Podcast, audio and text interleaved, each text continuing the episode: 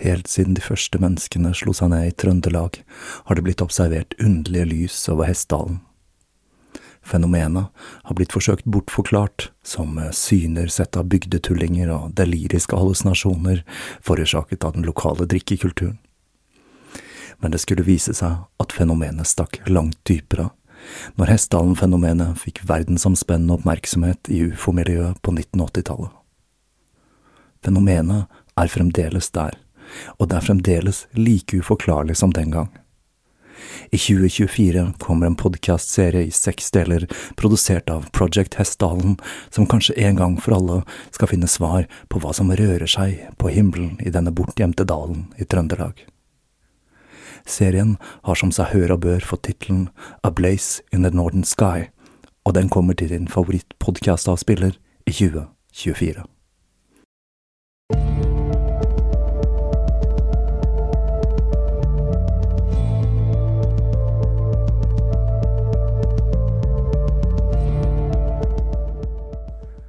Hei og velkommen til Tåkeprat. Jeg heter Even, og når jeg tar opp denne episode 185, er det tirsdag den 5. mars 2022. Da var det min tur, og jeg har kommet meg gjennom en uke med covid-19. Jeg må si jeg har stusset på hvorfor det har tatt så lang tid, da jeg de siste seks månedene har vært nærkontakt med flere personer med aktiv covid enn jeg har tall på. Det som var litt underlig, er at det plutselig var et titalls mennesker jeg kjenner, spredt utover det ganske land, som fikk en runde med viruset omtrent samtidig. Her hjemme startet det med stesønnen, så meg og så kona. Det som slår meg, er hvor forskjellige og tilfeldige sykdomsforløpene har utspilt seg. Det har gått fra få symptomer og et kort sykeleie til en venn som ble så alvorlig syk at hun hadde intensiven på sykehuset på standby. Selv fikk jeg høy feber og hodepine i et par dager, fullt av en hel haug med ulike symptomer som kom og gikk tilsynelatende på måfå, som luftveisinfeksjon, hjertebank, kvalme, diaré, smerter i kroppen og slapphet. Og nå som jeg er såkalt frisk, så kjennes det ut som om jeg går rundt med en fem kilos potetsekk på hodet til enhver tid, og jeg kommer meg gjennom hverdagen på en stødig diett av kaffe og paracetamol. Så jeg må si jeg har irritert meg litt over de som hevder at dette kun dreier seg om en lett forkjølelse eller en influensa light. Om alle sykdommer som inkluderer feber kan kalles en slags influensa, så er i hvert fall listen over influensalignende sykdommer ennå Hiring for your small business? If you're not looking for professionals on LinkedIn, you're looking in the wrong place. That's like looking for your car keys in a fish tank. LinkedIn helps you hire professionals you can't find anywhere else, even those who aren't actively searching for a new job but might be open to the perfect role. In a given month, over 70% of LinkedIn users don't even visit other leading job sites. So start looking in the right place. With LinkedIn, you can hire professionals like a professional. Post your free job on linkedin.com slash people today. Hey there, it's Michelle Norris. I'm host of a podcast called Your Mama's Kitchen. When I travel, I'm usually looking for a way to find a taste of home when I'm not at home. And one of the things I love to do when I am at home is entertain. And Airbnb allows me to do that. When I was in California recently, I rented a house that had a great kitchen. And when we were sitting around the table, we we're all thinking, we're in someone else's house. Someone could be in all of our homes as well. If you have a home, but you're not always at home, you have an Airbnb. Your home might be worth more than you think. Find out how much at airbnb.com/slash host. Hey, it's Ryan Reynolds, and I'm here with Keith, co star of my upcoming film, If, only in theaters, May 17th. Do you want to tell people the big news? All right, I'll do it. Sign up now and you'll get unlimited for $15 a month in six months of Paramount Plus Essential Plan on us. Mintmobile.com slash switch. Upfront payment of $45 equivalent to $15 per month. Unlimited over 40 gigabytes per month. Face lower speeds. Videos at 480p. Active Mint customers by 531.24 get six months of Paramount Plus Essential Plan. Auto renews after six months. Offer ends May 31st, 2024. Separate Paramount Plus registration required. Terms and conditions apply if rated PG. lang. Men akkurat nå så er jeg fornøyd med å ha fått det overstått for denne gang, og jeg håper det blir lenge til jeg igjen får besøk av dette biologiske spøkelset fra Wuhan. Men nå, kjære lyttere, er tiden inne for dagens tema. For til tross for potetsekk på hodet, så har jeg fått knasset sammen denne episoden, og nå skal vi kikke litt nærmere på en dame jeg har hatt på temalisten i flere år. Hun har dukket opp i Tåkeprat tidligere, og hun er et slags bindeledd, eller en slags missing link, om du vil, i historien til Tåkeprat. Nå skal vi nemlig bevege oss fra Alistair Crowley gjennom beat-generasjonen og hippietiden ved hjelp av en kvinne som nok de færreste har hørt om, men som var i kulissene til mang en fortelling vi har tatt for oss her i Tåkeprat, og som i løpet av livet møtte på en imponerende liste med kjente historiske figurer. Iallfall kjente for dere som hører på Tåkeprat. Kvinnen vi nå skal se nærmere på, ble etter hvert en slags hybrid mellom Crowleys okkulte verden og bølgen som skyllet over verden på 60-tallet, og hun holdt koken helt fram til vår egen tid. Hovedkilden min til denne serien er den eneste biografien som er skrevet om hovedpersonen. Wormwood Star, The Magical Life of Marjorie Cameron av Spencer Kansa fra 2014. Dette er en god bok. Og siden det ikke er så mye annen litteratur i å velge om man skal fordype seg i denne litt obskure kvinnen, så var det et soleklart valg. Her er det også en del overlapp med andre fortellinger jeg har tatt for meg i podkasten, som alle underbygger hendelsene i denne boka. Og da gir jeg dere historien om Marjorie Cameron, Babylon.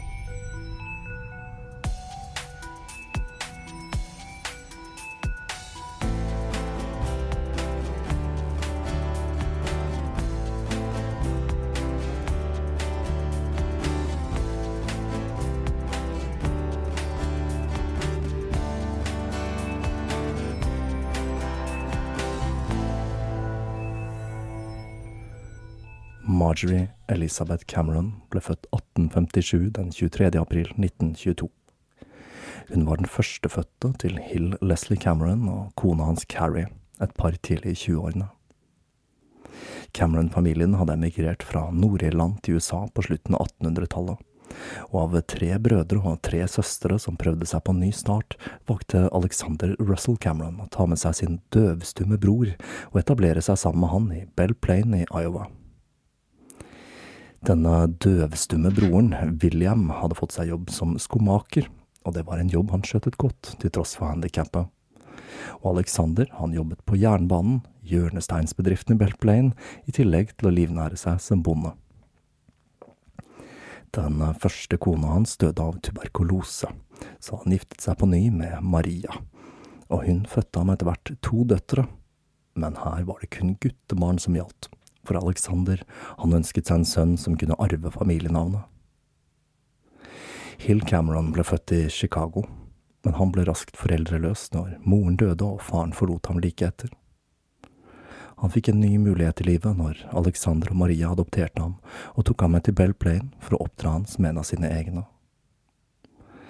Familien ble rammet av en tragedie i mai 1917, når den da 66 år gamle døvstumme William ble påkjørt av toget og kastet utfor en bro med døden til følge. Jernbanen gir, og jernbanen tar, er det jo lett å tenke her. Hill var i slutten av tenåra da dette skjedde, og han som faren jobbet for jernbanen. Forloveden hans Carrie kom fra en nederlandsk slekt, og faren hennes, han jobbet i likhet med William Alexander, for jernbanen.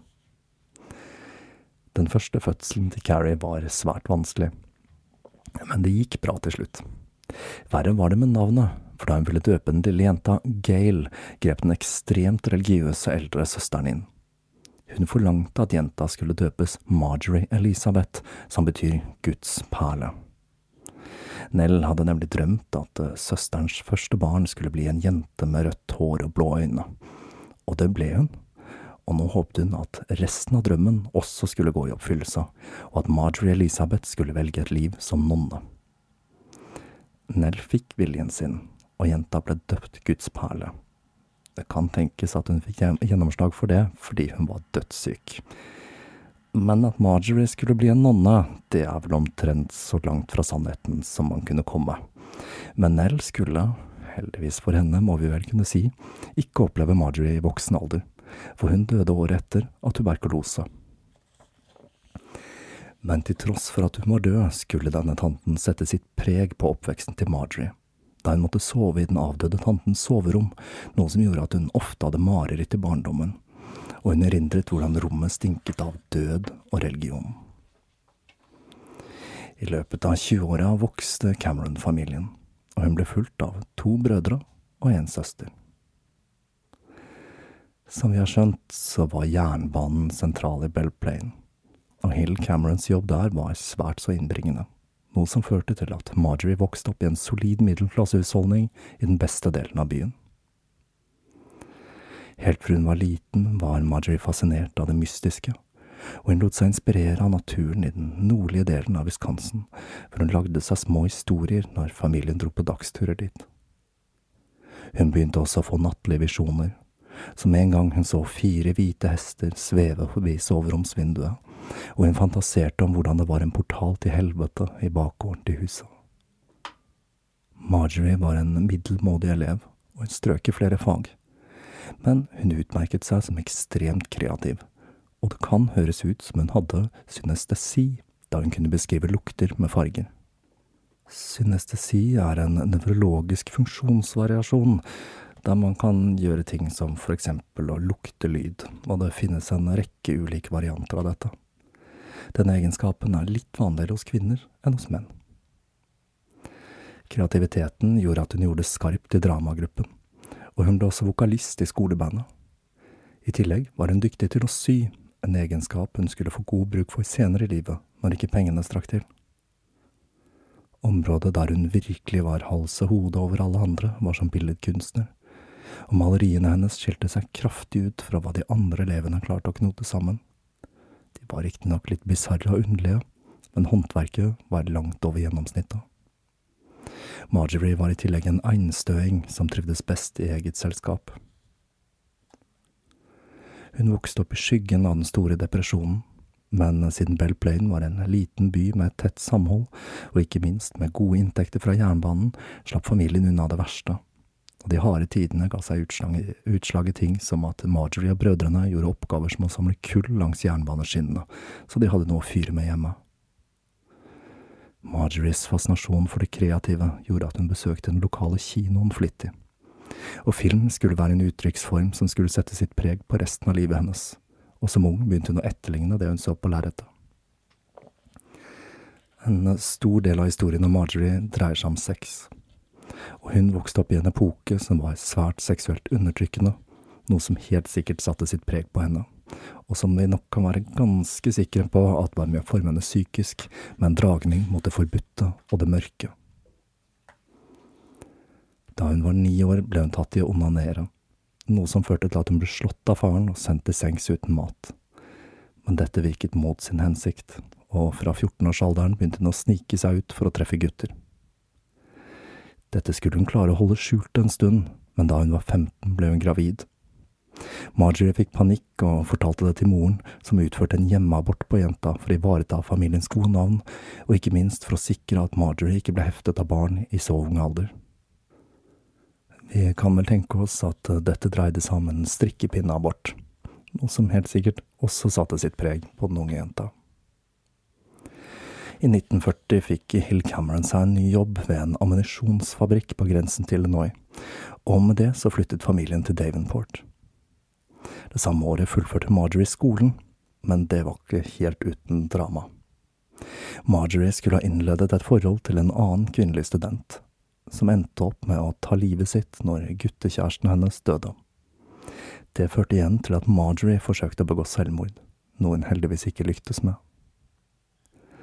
Et par år senere inngikk hun et forhold med Sam Kellinson, som var kjent for å være litt av en jentefut.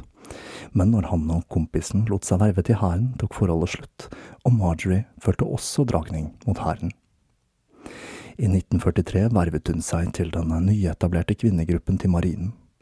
Med amerikanske tropper ved to fronter trengte man kvinner til krigsinnsatsen hjemme, og Eleanor Roosevelt opprettet derfor gruppen WAVES, eller Woman Accepted for Volunteer Emergency Service, i 1942.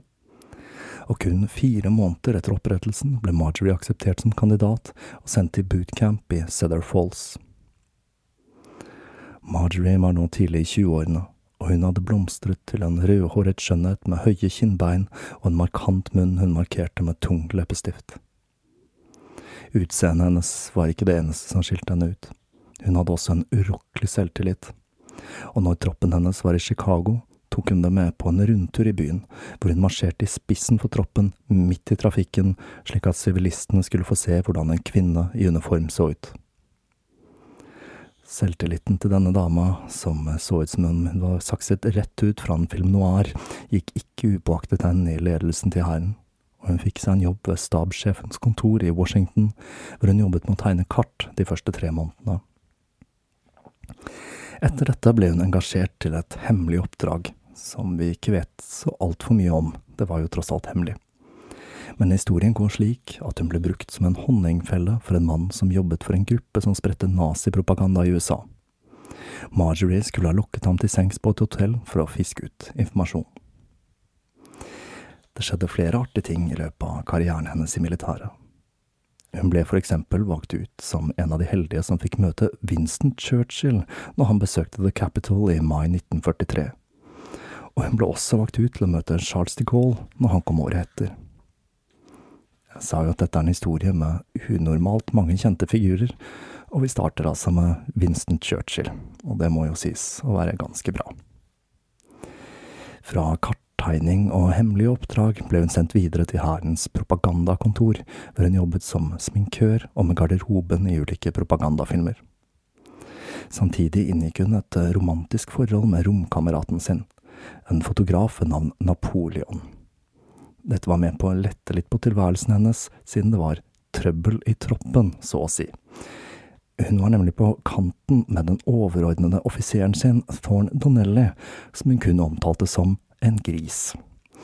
Konflikten skulle ha startet da Donnelly hadde sagt at Tyskland ikke hadde bidratt kulturelt de siste hundre årene, og Marjorie ble rasende da hun var fan av Wagner. Forholdet mellom de to skulle bare forverres ettersom tiden gikk, for dette var en dame som ikke ga seg på tørre møkka.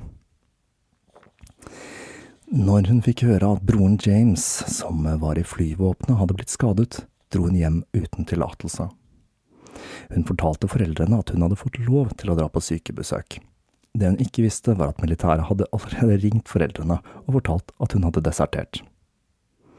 Hun ble beordret tilbake til basen, hvor hun ble dømt for desertering, og som straff ble hun overført til militærbrakkene i West Potomac Park, hvor hun havnet i clinch med den kvinnelige offiseren der, som ikke likte Marjories lette omgang med menn. Like etter fikk faren en ny jobb, denne gangen i Pasadena ved JPL, eller Jet Propulsion Laboratory, og som vi jo vet, så er det en institusjon som skulle spille en svært sentral rolle i begynnelsen av livet til Marjorie, og ikke minst til hennes framtidige ektemann. Krigens grusomheter begynte å bli mer og mer åpenbare. Etter å ha vært på besøk hos foreldrene, reiste hun tilbake til Washington med et tog som var fullt av sårede soldater. Turen som tok fire dager, og hvor hun var den eneste kvinnen, satte sitt preg på Marjorie, som betraktet de skadede soldatene som så ut som de hadde fått selve sjelen revet ut.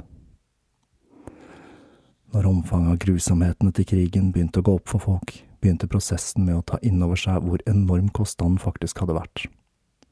Med bilder fra konsentrasjonsleirer, holocaust og endeløs menneskelig ondskap måtte hele den vestlige verden gå i seg selv for å sørge for at dette aldri, aldri kunne skje igjen. Marjorie ble dimittert i november 1945. Til tross for at hun hadde stukket av og var blitt dømt for desertering, så fikk hun plettfri vandel fra tjenesten så hun mistenkte at noen venner høyt oppe i systemet hadde trukket i noen tråder for å hjelpe henne. Planen hennes var å dra sammen med kjæresten Napoleon til New York og starte et fotolaboratorium der, hvor de hadde blitt lovet en avtale med CBS og Broadway. Men skjebnen hadde andre planer for Marjorie, som var i ferd med å møte en mann som skulle snu livet hennes på hodet. Mens hun ventet på at ting skulle begynne å falle på plass i New York, tilbrakte hun tiden i foreldrenes hus i Pasadena for å forsøke å tilpasse seg det sivile livet. En dag når hun dro for å hente arbeidsledighetstrygden sin, møtte hun en fyr hun hadde vært kollega med, og som jeg leser det, hadde hatt en kort affære med i DC. Han fortalte henne at han bodde hos en gal vitenskapsmann som holdt til i den luksuriøse delen av Pasadena. Marjorie spiste middag sammen med denne mannen og en kvinne som også bodde i huset til denne mystiske vitenskapsmannen. Og hun ble fortalt om alt det underlige som foregikk der, som fruktbarhetsritualer med nakne damer som hoppet over bål i hagen. Marjorie ble naturlig nok nysgjerrig, og når hun ble tilbudt om å bli med på et besøk, så kastet hun seg over muligheten. Så en dag i desember befant hun seg utenfor 1003 South Orange Grove, og huset som ble leaset av en høy, mørk og svært kjekk mann, John Whiteside Parsons, som kun ble kalt Jack av vennene sine. Når hun gikk inn, fikk hun øyeblikkelig øye på Jack, som hadde på seg en badekåpe og snakket i telefonen. Hun hadde med seg et par plater og satte på den ene på en platespiller hun fant i en av KV i gangen, og så dukket Jack opp igjen, denne gangen påkledd. Han smilte til henne, men uten å si et ord dro han sin vei. På nyåret møtte hun på vennen som hadde invitert til henne til huset en gang til, og han utbrøt Takk Gud at jeg fant deg, de hadde drept meg hvis ikke. Og natten i januar tok han henne med tilbake til huset, hvor Marjorie ventet hele dagen på at Jack skulle komme hjem. Når han først dukket opp, var den seksuelle spenningen mellom de to så sterk at de trakk seg tilbake til soverommet hans i andre etasje, hvor de tilbrakte de neste 14 dagene.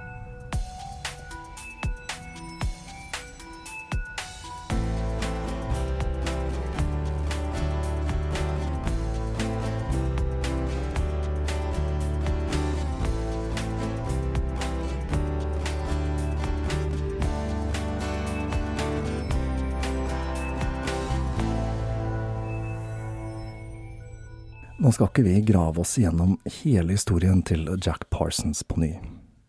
De av dere som har lyst på en liten recap av den fortellingen, kan sjekke ut episode 96, 97 og 98, hvor jeg tar for meg livshistorien hans i detalj. Kort fortalt så jobbet Jack Parsons for JPL, og han var en pioner innen rakettforskning. Han utviklet blant annet fastbrennstoffraketter, og han var en nøkkelfigur i det amerikanske rakettprogrammet, og han utviklet blant annet motorene til de beryktede Polaris-missilene. I tillegg var han lederen for Agape-losjen, en losje som baserte seg på læren til Crowley, og nettopp læren til det store udyret er svært sentral i historien om Marjorie Cameron. If you're looking for plump lips that last, you need to know about Juvederm lip fillers. With Juvederm Volbella XC and Juvederm Ultra XC, your lip look, whether it's subtle or bold, can last up to one full year with optimal treatment and no additional maintenance. Find a licensed specialist and see if it's right for you at juvederm.com today. That's J U V E D E R M.com. Add fullness to lips in adults over 21 with Juvederm Volbella XC or Juvederm Ultra XC. Do not use if you have severe allergies or a history of severe allergic reactions, or if you're allergic to lidocaine or the proteins used in Juvederm. Tell your doctor if you have a history of scarring or taking medicines that decrease the body's immune response or that can prolong bleeding. Common side effects include injection site redness, swelling, pain, tenderness, firmness, lumps, bumps, bruising, discoloration, or itching. As with all fillers, there's a rare risk of unintentional injection into a blood vessel, which can cause vision abnormalities, blindness, stroke, temporary scabs, or scarring. For full important safety information, visit juvederm.com. I'm Sandra, and I'm just the professional your small business was looking for. But you didn't hire me because you didn't use LinkedIn jobs. LinkedIn has professionals you can't find anywhere else, including those who aren't actively looking for a new job but might be open to the perfect role, like me. In a given month, over 70% of LinkedIn users don't visit other leading job sites. So if you're not looking on LinkedIn, you'll miss out on great candidates like Sandra. Start hiring professionals like a professional. Post your free job on linkedin.com/people slash people today. Igjen så er det kanskje greit å ha litt forkunnskap om Alistair Crowley her, men jeg lar den historien ligge i denne serien, og jeg får heller henvise til episoder 45 til 49, hvor jeg tar for meg livshistorien hans. Jack og kona hans Helen hadde lenge vært interessert i det okkulte, og de hadde leflet litt med ulike retninger som teosofi. Men det var Crowleys lære som virkelig ble vendepunktet for Jack, og i 1942 gjorde han om huset sitt i South Orange Grove til losjelokale for Agape-losjen. En person det virkelig har vært å merke seg som var tilknyttet denne losjen, var Jane Wolfe, som var en pensjonert stumfilmstjerne. Det som gjør henne veldig spesiell, er at hun var en av de som var med Crowley i hans telemiske tempel på Cefalu i Sicilia, når eh, Crowley var, hva skal vi si, på høyden eller på bånn, om du vil. Alt ettersom hva man mener om den saken. I tillegg til losjemedlemmer leide Jack ut rom via annonser i lokale aviser, der han søkte etter kunstnere, anarkister og ateister som leietakere. Dette var litt av et kollektiv, med veldig mye drama. Jack skulle etter hvert innlede et forhold til konas yngre halvsøster Sara, som gikk under kallenavnet Betty, og kona hans Helen innledet et forhold til overhodet for losjen, Wilfred Talbot Smith, som var en britisk ekspat som var initiert i OTO. Crowley fikk jevne rapporter om hva som foregikk i losjen, og han anklaget etter hvert Smith for å bruke posisjonen sin til sin egen tilfredsstillelse, og han sendte ham på et oppdrag for å finne sin indre guddom, og innsatte Jack som overhode i mellomtiden. Det Crowley brukte som unnskyldning for å sende Smith på en søken etter Gud, var forholdet til Helen. Men dette skyldtes nok ikke så mye at Crowley brydde seg så mye om hvem som lå med hvem i losjen, men at Smith ikke hadde klart å rekruttere noe særlig med nye medlemmer, og Crowley han var avhengig av finansielle bidrag fra statene for å få det til å gå rundt hjemme. Jack Parsons var også dypt bevandret i science fiction-scenen i LA. Og det var én science fiction-forfatter som virkelig skulle sette sitt preg på Agape-losjen. Og det var ingen ringere enn Elron Hubbard, grunnleggeren av Scientologikirken. Jack ble fascinert av Hubbard, og han ble overbevist av denne sjarmerende mannen om at han var spesielt begavet i magi. Crowley han delte absolutt ikke denne fascinasjonen, og han så på Hubbard som en svindler. Og jo mer og mer Jack ble involvert i Hubbard, jo mer skeptisk ble Crowley. Hubbard var kjent for å være svært flink med damene, og dette førte til at han stjal Betty fra Jack. Men Jack lot ikke dette stoppe han fra å samarbeide med Hubbard og de to begynte på en serie med ritualer som senere skulle bli kjent som Babalon-arbeidet, hvor de forsøkte å manifestere den telemiske gudinnen Babalon på jorden som en slags homonculus. Det er litt usikkert om hun var ment å bare poppe opp fra ingenting, om hun skulle fødes som et spedbarn, eller om hun skulle besette en jordisk kvinne. Jack hadde bedt om assistanse fra en elementær kraft, og det var akkurat da Marjorie hadde dukket opp men hun var selv ikke klar over hvilken rolle hun spilte i ritualet, og det skulle gå flere år før Jack fortalte henne om det. For de 14 dagene med sex de hadde når de møttes, var en del av Jacks plan for å legemliggjøre Babalon. Marjorie dro til New York for å gjøre det slutt med Napoleon, og når det var gjort, så oppdaget hun at hun var blitt gravid. Selv om hun skulle spontanabortere ikke lenge etterpå, så var dette et sterkt insentiv til å dra tilbake til LA så raskt det lot seg gjøre. Jack var hodestups forelsket i Marjorie, og han skrev til Crowley at han hadde funnet den perfekte magiske partneren. Mens hun var i New York, ble Jack snytt av Hubbard, som fikk han med på et tvilsomt opplegg for å selge yachter. Jack han gikk inn med alle sparepengene sine, og Hubbard i kjent stil stakk av med både penger og Betty, som han senere skulle gifte seg med. Jack klarte til slutt å få tilbake noen av pengene han hadde gitt til Hubbard. Ifølge legenden gjorde han dette ved hjelp av et ritual som tvang skipet til Hubbard tilbake til land, men han fikk langt fra alt tilbake. Og så er det litt artig å tenke på hvor frustrert den aldrende Crowley må ha vært når han fikk oppdateringer om hvordan Jack klarte å surre det hele til, og den samme sommeren så innså Jack at nok var nok, og han frasa seg tittelen som overhode for losjen og flyttet. Kun fire dager etter han hadde skilt seg fra Helen, den 19. oktober 1946 giftet Jack og Marjorie seg i rådhuset i Orange County. Til tross for at Marjorie befant seg i et svært så kult miljø, så hadde hun en avasjon for alt som luktet religion, og lite visste hun at hun spilte en sentral rolle i Jacks Babaland-arbeid. Det hun derimot likte, var at Jack ga henne et magisk navn, Candida, som som regel ble forkortet til Candy, derav navnet på denne serien. Marjorie hatet den religiøse betydningen til navnet hun hadde fått av tanten, så religion eller ikke, Candy var mye bedre. Etter hvert kom det fram at Jack hadde hatt et ritual for å få fatt i ei heks som kunne være hans magiske partner. At hun var den universet hadde hostet opp, var en tanke hun til å begynne med syntes var latterlig, og ikke var hun spesielt imponert over Alistair Crowley heller.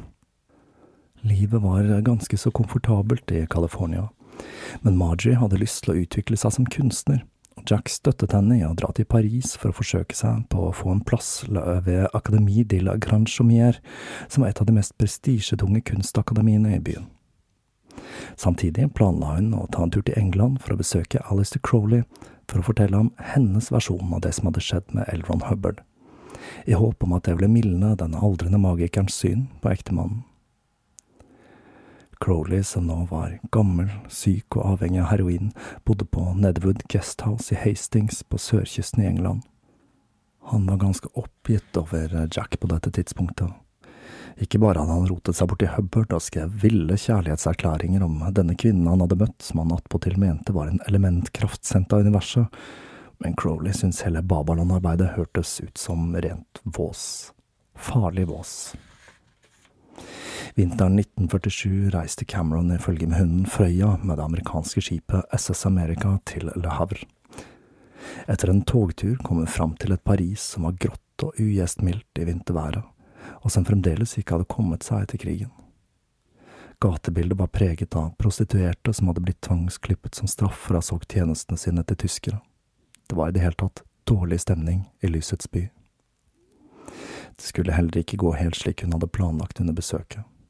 Hun ble ikke tatt opp ved Kunstakademiet, og det planlagte møtet med Crowley gikk også i vasken da han døde den 1. desember, under et voldsomt tordenvær i Hastings.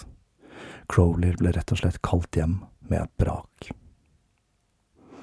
Marjorie dro derfor til Sveits og den lille pittoreske landsbyen Lugano, hvor hun leide et rom ved siden av det lokale klosteret.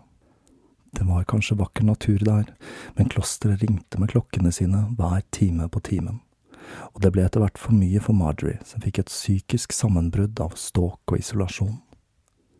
Hun beskrev tilstanden som en som grenser til lykantropi, og etter å ha stått naken og uflidd og skreket i speilbildet sitt, bestemte hun seg for at nok var nok, og hun telegraferte Jack og ba ham sende penger, slik at hun kunne komme seg hjem.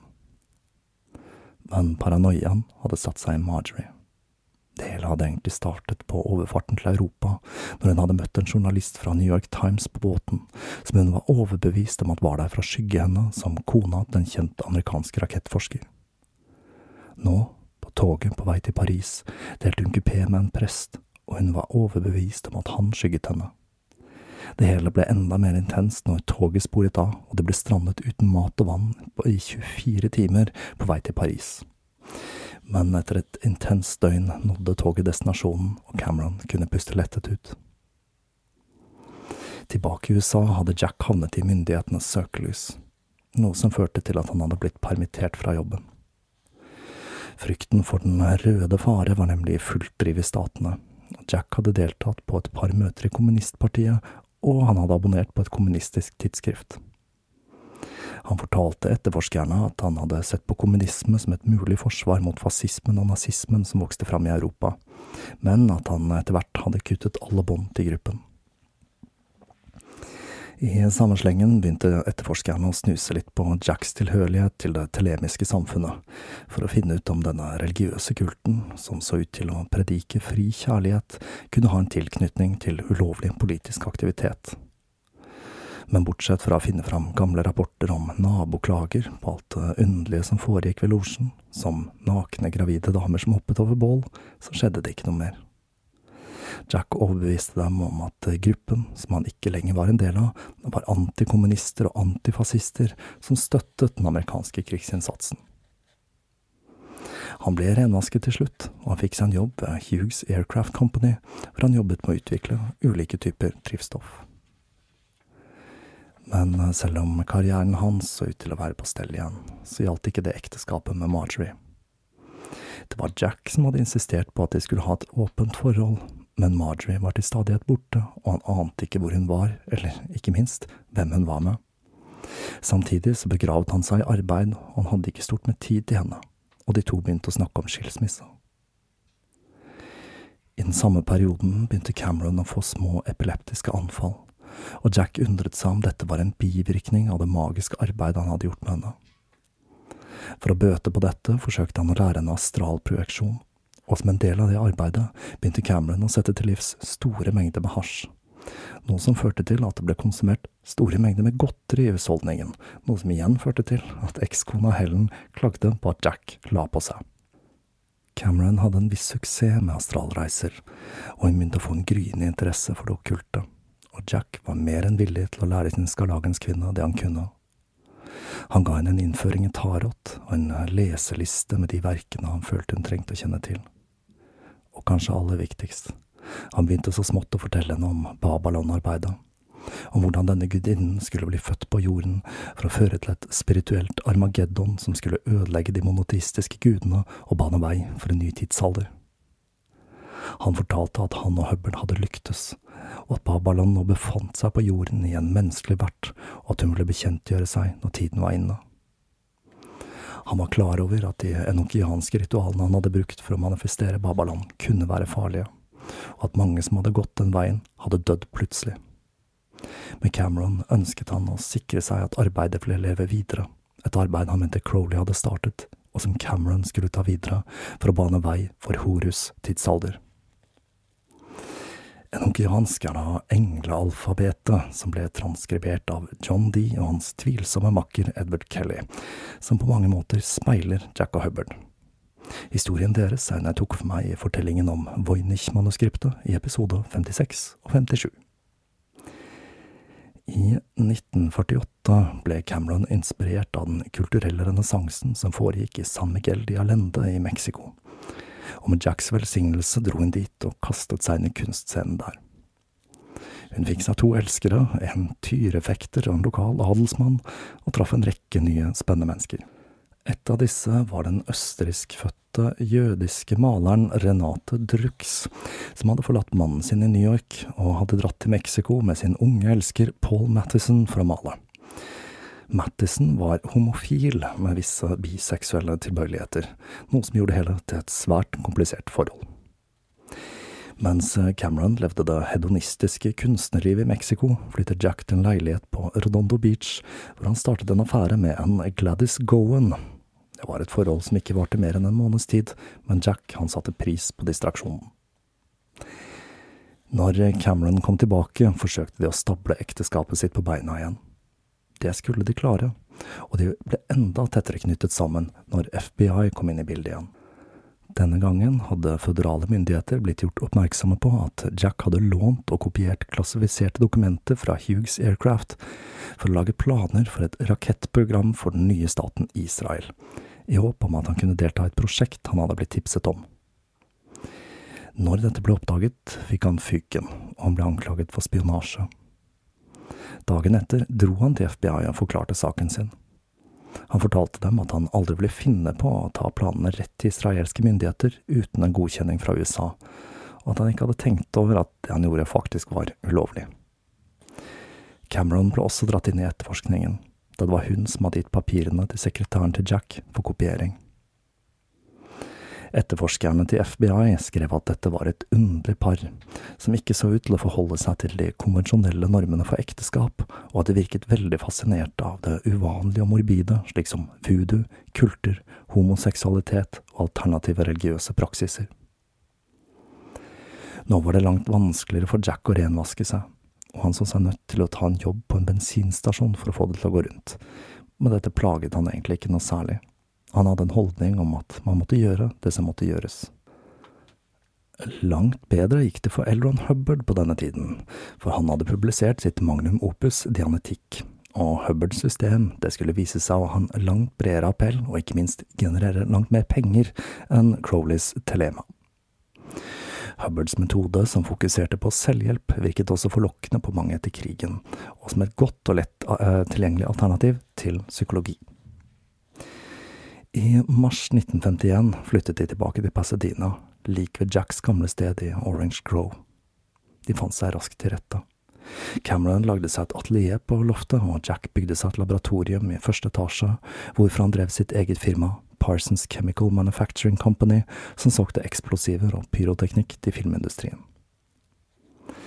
Når de bodde der, ble de bedre kjent med en gammel nabo, Julie MacDonald, som igjen introduserte de to for jazzscenen. Jazz ble en samlende kunstform for de som følte seg desillusjonert etter krigen.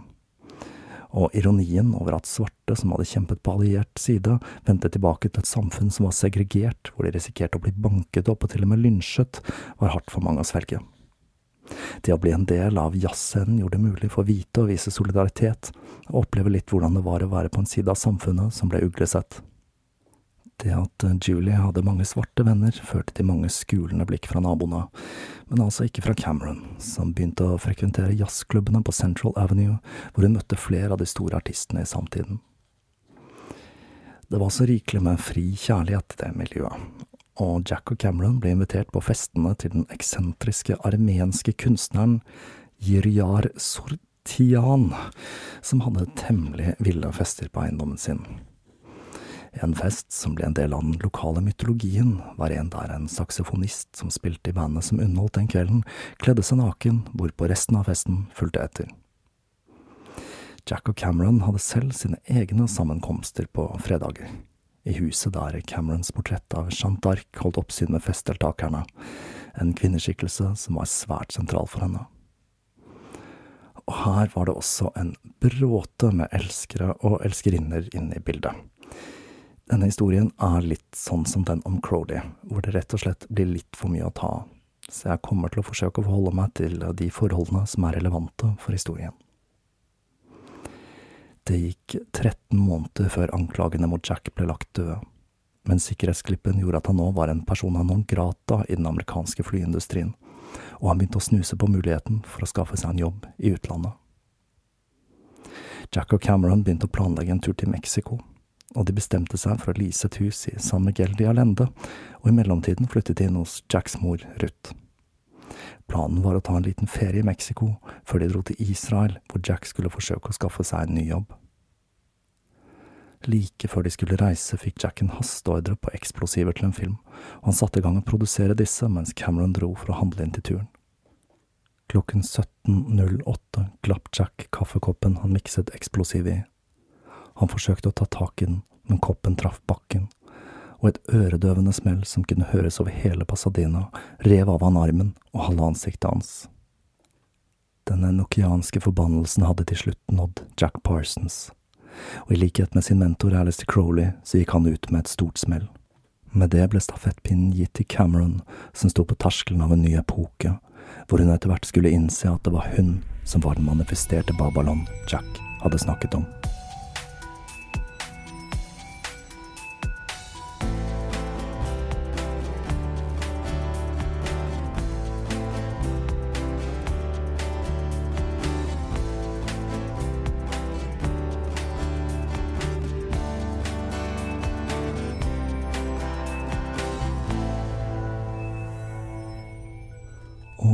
Legger vi inn årene for denne gang.